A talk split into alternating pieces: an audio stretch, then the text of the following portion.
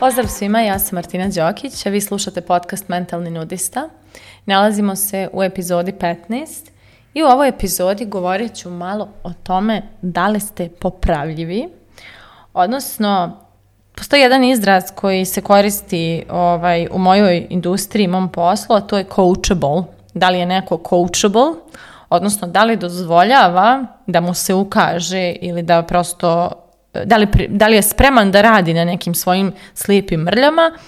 ili je potpuno uvjeren da zna najbolje, a ne ostvaruje rezultate koje želi. I ovaj segment mindseta, ova vrsta otvorenosti za popravljivost, za, za uviđanje svojih slijepih mrlja, svojih, svojih nekih prostora za rast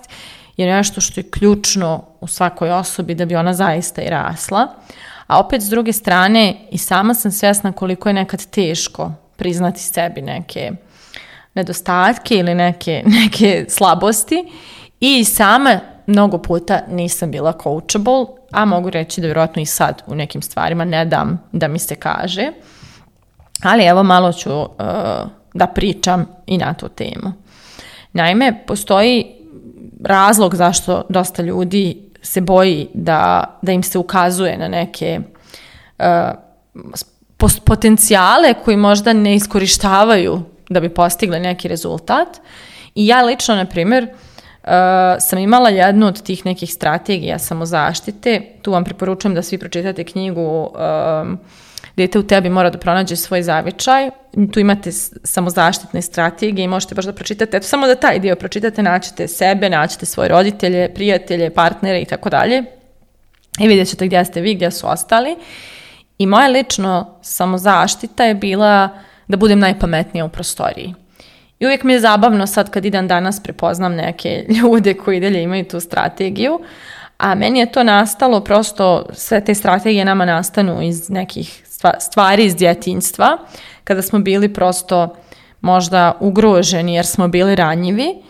i onda pošto ne želimo više ikad da osjetimo tu vrstu ugroženosti zbog svoje ranjivosti, mi ne dozvoljavamo da se naša ranjivost iskaže ili da iko vidi ili primijeti neke naše slabosti da ih ne bi zloupotrijebio. I, na primjer, u mom konkretnom slučaju, u odnosu sa mojom mamom, nekadašnjem odnosu, sa mojom nekadašnjom mamom, pošto sad imam jednu potpuno novu mamu, istu, ali drugačiju, um, mi smo imali taj, tu neku igricu svega i svačega što je bilo toksično i jedna od stvari koja je mene jako pogađala kroz moje odrastanje je da kada najđu neki trenuci, kada kao postoji neki prostor da se nas dve zbližimo, ja bih u tim trenucima delila sa njom svoje mane, uh, uh, ukazivala joj na, na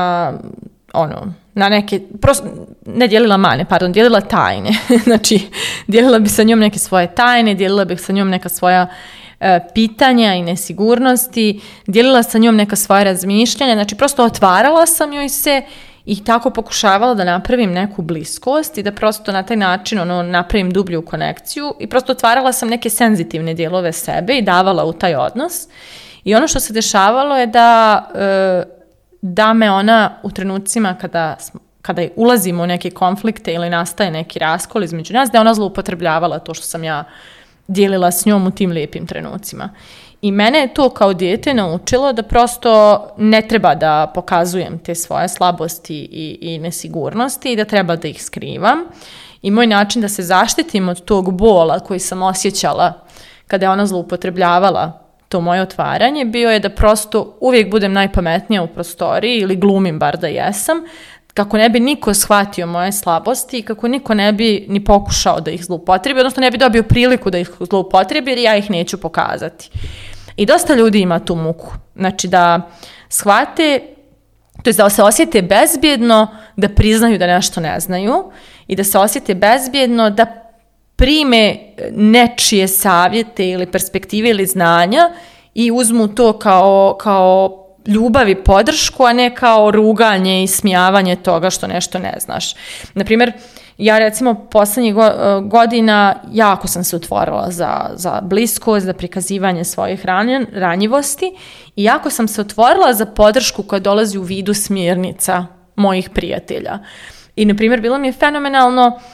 to jest, ve, jeste mi fenomenalno koliko sada na, moji prijatelji meni puno više daju smjernica i ukazuju mi na mnogo više nekih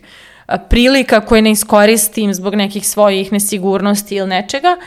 i oni sve to sada u mnogo većoj mjeri rade jer ja to primim s ljubavlju i, i, i zahvalnošću i prosto oni osjećaju da onda imaju prostor za to jer sam ja neko ko kaže hvala ti mnogo što mi ovo govoriš, baš mi ovo znači i tako dalje.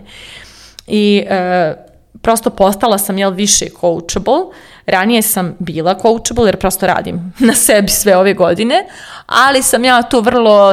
birala kao koji dio mene je sada spreman da izađe pred nekog trenera, coacha, gurua s kim god sam gdje radila i prikaže se i kaže evo ovaj dio ne znam, ovo mi treba pomoć, dok ostale dijelovi koji su jednako možda e, e, u nekim ograničavajućim idejama, te dijelove ne dam da i kodira i ne dam da mi ko ukaže na to. I tako sam ja to mic po mic. E, sada je već, da kažem, situacija dosta lakša, jer sam dosta izgradila prvo povjerenje u svoju vrijednost, tako da kada mi neko ukaže da nešto ne znam ili, ili mogu bolje, ne osjećam to kao atak na svoju ličnost i kao prikaz toga da ja nisam dovoljno dobra i sad je taj neko to pokušao da kaže. Uh, nego sada to kao prosto ne, ne remeti mi osjećaj lične vrijednosti, to što je neko primijetio da ja nešto ne radim najbolje moguće ili da se to može uraditi na bolji način. Kao i e, s druge strane, nekako, e, osim što ne gledam to kao atak na ličnu vrijednost, ne gledam to ni kao neki pokušaj nekog da mene ponizi, nego, mislim, naravno sve zavisi od načina na koji je to neko rekao, ali ne gledam to ni kao pokušaj da mene neko ponizi, nego kao, kao ljubav i ulaganje u moj napredak. I kažem, ogroman sam put prešla da postanem osoba koja tako gleda ovaj, e, stvari i tako, tako, da kažem, prilazi tim nekim komentarima. I e, to mi je napravilo znači, veliki rast, to što sam se otvorila, da prosto uh, učim uh, o svemu o čemu ne znam i budem iskrena sa sobom da neke stvari ne znam sama jer nemam rezultate koje mi trebaju. I potom me možete stvarno vidjeti koliko ste coachable, znači da, koliko, koliko ste e, popravljivi u nekim stvarima, evo da prevedem. Uh, Zato što uh, ako nemate željene rezultate na nekom polju, a stalno vi tvrdite da sve znate o tome, nešto ne znate. Znači nešto se negdje nije poklopilo, nešto se negdje nije namjestilo, jer evo vas i dalje na istom mjestu, a tobož imate sva potrebna znanja. E pa neki djelić te konstrukcije u vama nije nalego, čim rezultata nema. Tako da s te strane e, a, a niste, jeli, e, hoćete novi rezultat, ne postižete ga, ne postižete ga, ne date nikom da vam ukaže šta možete da uradite povodom toga, da biste postigli taj rezultat, jer vi to već sve znate, nešto tu nije logično, tako, ta jednačina ne, ne funkcioniše, što kaže, math is not mathing, jeli, ne dobija, matematika ne matematikuje. jedan i jedan nisu dva u toj računici. Nemamo iste, iste ove, rezultate s obe strane uh, jednakosti. Tako da, znaka jednako, jel? Tako da, uh, po ćete skontati jel, da li ste se negdje zatvorili za rast i učenje iz straha za sobstvenu vrijednost i iz straha uh, da ne budete iskorišteni, poniženi ili kakvi god, samo zato što će neko možda primijetiti neka vaša neznanja ili rupe u znanju. Takođe, još jedan razlog zašto često nismo popravljivi